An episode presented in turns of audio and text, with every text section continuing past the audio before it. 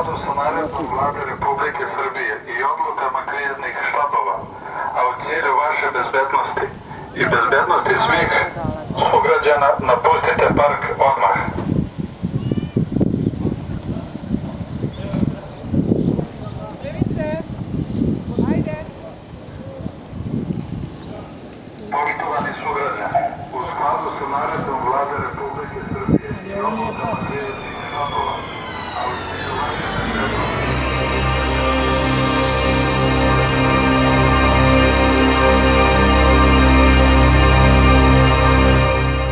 Slušate Share BBS. Pod nazivom Internet u doba pandemije vodič za preživljavanje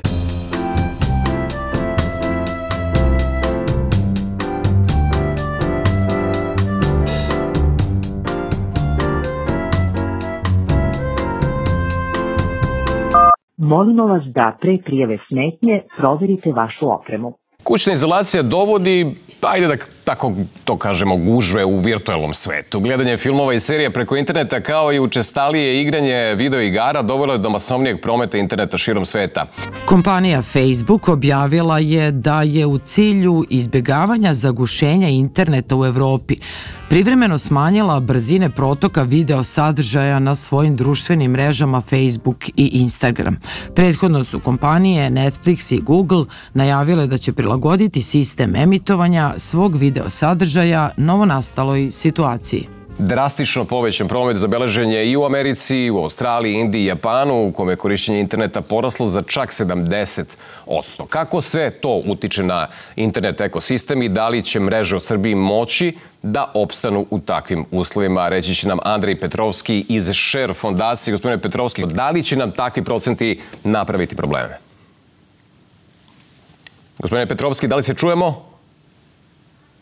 Pokušat ćemo kasnije. Pokušat ćemo kasnije. Thank you.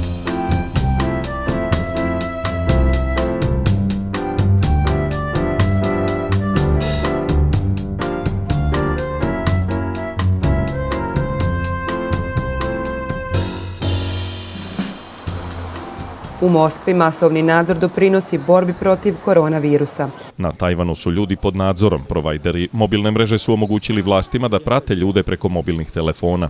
Kina takođe upotrebljava poslednju tehnologiju za nadzor u borbi protiv COVID-19. pratimo telefonske brojeve, pre svega italijanske, ne prisluškujemo da neko ne bi otkri, pričao gluposti, već pratimo da li se kreću ljudi sa italijanskim brojevima u roamingu i kreću se. Nemojte da pokušate da nas prevarite time što ćete da ostavite telefone na jednom mestu, pošto smo našli još jedan način da pratimo ko se, ko kako i kuda krši pravila koje je država propisala. Šta nam govori zapravo ta pomama za potpunim nadzorom i ta potreba da se građanima naglasi da postoji mogućnost da se oni prate preko mobilnih, kako se kreću, Ku- kuda nas to vodi? Ne treba pričati o koroni kao bezbednostnom problemu, već kao problemu upravljanja. Ne treba strašiti ljude, već im se obraćati kao odraslim ljudima. I ako pričamo kao bezbednostnom problemu i koristimo pre svega bezbednostne institucije, onda normalizujemo upotrebu e, najjačeg oružja e, na raspolaganju kao što su prismotra, uskraćivanje slobode kretanja, uskraćivanje slobode govora koji su rezervisani za situacije pitanja opstanka nacije i ratnog stanja, što ovo još uvek nije i ne, ovaj, ne treba dozvoliti ni da postane.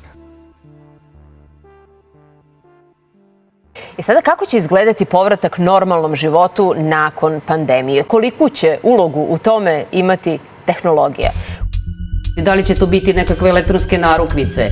Da li preko neke mobilne aplikacije? Šta ako bi telefon mogao da nam kaže da je neko bio zaražen virusom korona? A šta ako bi telefon mogao da vam pomogne da saznate da ste bili u kontaktu sa nekim ko je inficiran COVID-19? Hoće li od sada najvažnije biti aplikacije u mobilnim telefonima koje bi nekoga trebalo da obaveste o našem kretanju? O kakvim je aplikacijama reč, ko ih je do sada razvio? Možemo li mi da prvo razjasnimo kako to funkcioniše? Da li preko preko Bluetootha. Kako Bluetooth funkcioniše, na koliko metara otprilike radi kao sistem. Kako izgledaju te aplikacije? Ko kritikuje njihovu primjenu i zašto? Kakvu korist od njih možemo da imamo? Koliko je ovo korisno ako ne instalira više od 50% populacije ili ne prihvati korišćenje?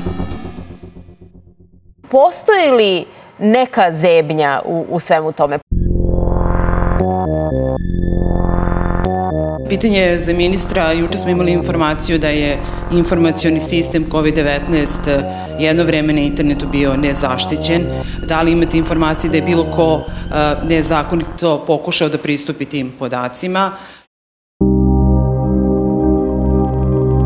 Informacioni sistem COVID-19 namenjen obradi ličnih podataka građana u vezi sa pandemijom te bolesti bio je 8 dana izložen neovlašćenom pristupu na web stranici do koje se moglo doći Google pretragom. Saopštila je šer fondacija. Šer fondacija koja je i otkrila ovaj propust te upozorila na ozbiljnost situacije. Ove podatke bi inače smele da posjeduju samo nadležne institucije zadužene za borbu protiv pandemije. Podaci su bili postavljeni 9. aprila, saopštila je ova organizacija. Manje od sat vremena nakon naše prijave obavešteni smo da su preduzeti koraci kao odgovor na incident, da stranica sa korisničkim imenom i lozinkom više nije javno dostupna.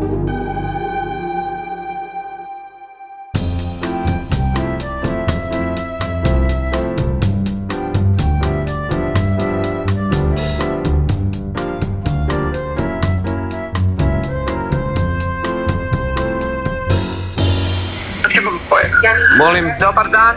Dobar dan. Moje poštovanje, zovem ime Srpske napredne stranke. Htjela bih da vas pitam kako prevazilazite ovaj težak period, da li ste i vaša porodica dobro? Htjeli smo da vas pitamo kako prevazilazite ovaj težak period i da li ste vi i vaša porodica dobro? Dobro će pominemo, hvala na pitanju. Znači dobro ste. Da, da, će pominemo, to je lokalni izraz ovako, znači kao možda prođe. To, to pišite, to pišite, će pominemo. U redu, da li imate nekoliko minuta? Žela bih da vam postavim par pitanja u vezi predstavljećih parlamentarnih izbora. Rajdi, da li imate pola minuta? Žela bih da vas pitam dva kratka pitanja u vezi sa izborima. Ja, to sve što pričate zvuči kao da čitate negde, ali može, može, može, naravno, izvolite. I da li ste zadovoljni sa preduzetim korektima za borbu protiv koronavirusa i kako biste to ocenili na od 1 do 5? Ali ste zadovoljni sa merama koje je vlada preduzela u borbi sa koronavirusom? Čista petica. Odlično. No, ne znam, meni je tu, ja kad razmišljam o tim merama vlade i sve to, meni je najbitnije da li su svi ti političari zdravi. Znači ja gledam iz toga, mislim, završit ću brzo, neću da ga tupim. Mislim da je, e, mislim da je petica, mnogo je bitno da budu zdravi, da dožive duboku starost, da bi moglo da im se sudi i da završe, brate, u zatvoru.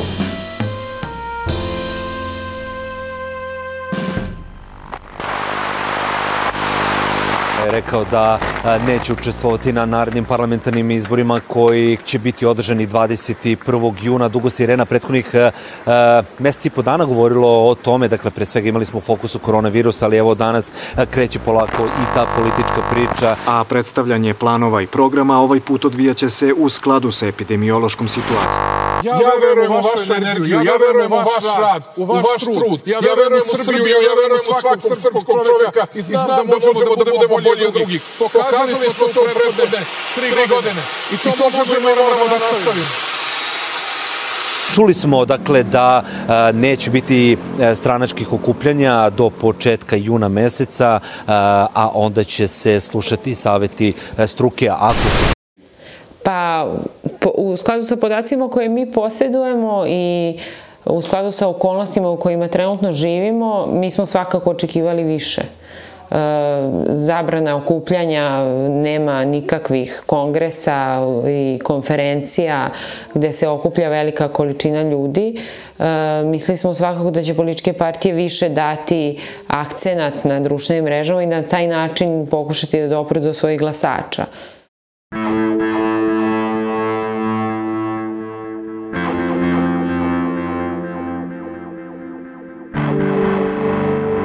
da, očigledno su strategije neke druge.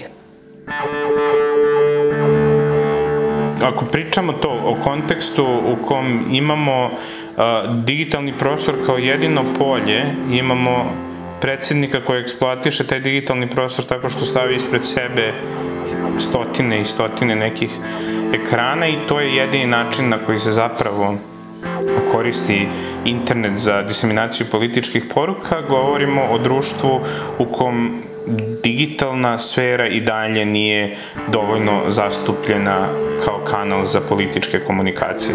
To govori o tome da se ljudi i dalje pre svega informišu kroz tradicionalne medije ili govori o tome da kampanja je bespotrebna zato što se napred zna ko će za koga glasati.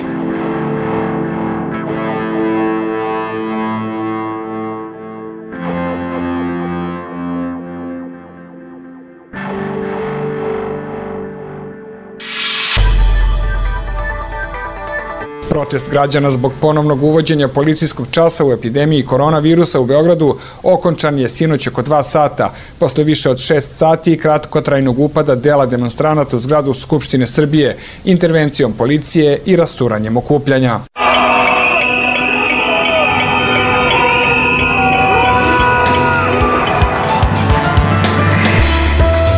Privedena 24 učesnika sinoćnjeg protesta u Beogradu, povređena 43 policajca, saopšteno iz MUPA Srbije. Nevladine organizacije najavile krivične prijave protiv policajaca zbog prekomerne upotrebe sile. Državni vrh Srbije osudio upad demonstranata u Skupštinu. Skoro 12 miliona ljudi u svetu zaraženo koronavirusom. U Srbiji sutra sunčano do 30 stepeni. Poštovani slušalci, bilo je to sve u ovoj emisiji. Share. BBS Društvo. Tehnologija. Cyberspace